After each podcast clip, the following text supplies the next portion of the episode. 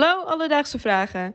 Het valt me op dat iedereen heel anders niest. Sommigen niezen in één keer, anderen in drievoud, uh, anderen heel hard, anderen heel zacht. Hoe kan dat?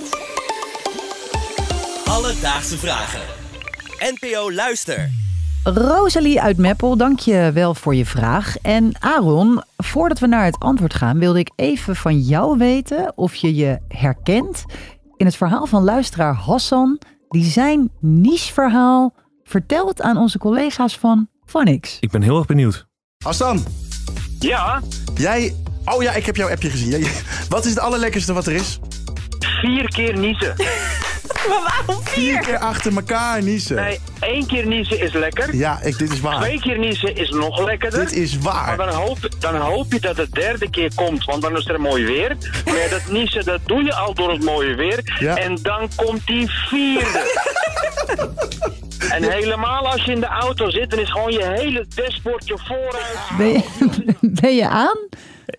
Als in aan, dit herken Vier ik. keer niezen, is dat het lekkerste wat er is? Nou, een partijtje goed niezen is wel heel lekker. Maar ik nies ook vaak, moet ik zeggen. Ik heb soms echt, ik heb huisstofmijtallergie. En soms dan nies ik echt serieus. Ik heb denk ik wel een keer zeven of acht keer achter elkaar geniest. Oh, was, het, was dat dus lekker? Ja, het houdt bijna niet op. Dan denk je, Ja, wanneer gaat het Je moet ook wel andere dingen doen.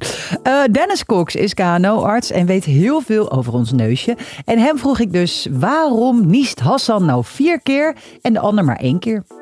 Nou, niezen eh, heeft vaak een oorzaak. Dus het kan zijn dat je neus ergens een prikkel van heeft en dat je daardoor moet niezen. Als je dan bijvoorbeeld ook nog allergisch ergens voor bent, dan doet je lichaam nog meer zijn best om die prikkel weg te werken. Dus het kan best zijn dat jij iets gevoeliger bent voor bepaalde dingetjes in de lucht, waardoor als jij gaat niezen, dat jouw slijmvliezen dat eigenlijk gewoon meerdere malen doen om, eh, om even schoon schip te maken. Ah, maar dat klinkt wel logisch, want voor zover ik weet, eh, bijvoorbeeld als ik vergelijk met mijn ouders, die niezen lang niet zo vaak als ik. Volgens mij hebben die niet die allergie. Ik wel. Precies, daar ga je al. De gevoeligheid van je neus bepaalt dus ook of je veel niest of weinig.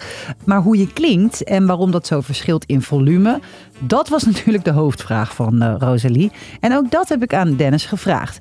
En met dit antwoord had ik nog helemaal geen rekening gehouden. Ja, het is ook een beetje aangeleerd gedrag. Ehm, en dat kan je ehm, een beetje terughalen in hoe we niezen en ehm, in welke taal we niezen. S- sorry, wat? Het blijkt ook zo te zijn dat in elke taal op een net andere manier eh, geniest wordt qua uitspraak. Dus dat heeft ook iets te maken met hoe je het eh, leert. Ik heb dit even eh, opgezocht. Wij zeggen in principe hachu. Dus het begint met een H-klank. En dan die H is eigenlijk het opbouwen van de druk. En de chu is het, het echt naar buiten sprayen van, van de viezigheid die in onze neus zit. En in Frankrijk doen ze bijvoorbeeld zeggen ze achum. Dus daar gebruiken ze die H helemaal niet. En daar doen ze nog een M erachteraan. In eh, Japan zeggen ze hakasun. Dus dan doen ze nog een klank tussen. Hakkazoen! Ik ga dit, ik ga dit Je gaat introduceren. leren- Je gaat leren niezen in verschillende Hakkazoen! Je gaat leren niezen in verschillende talen.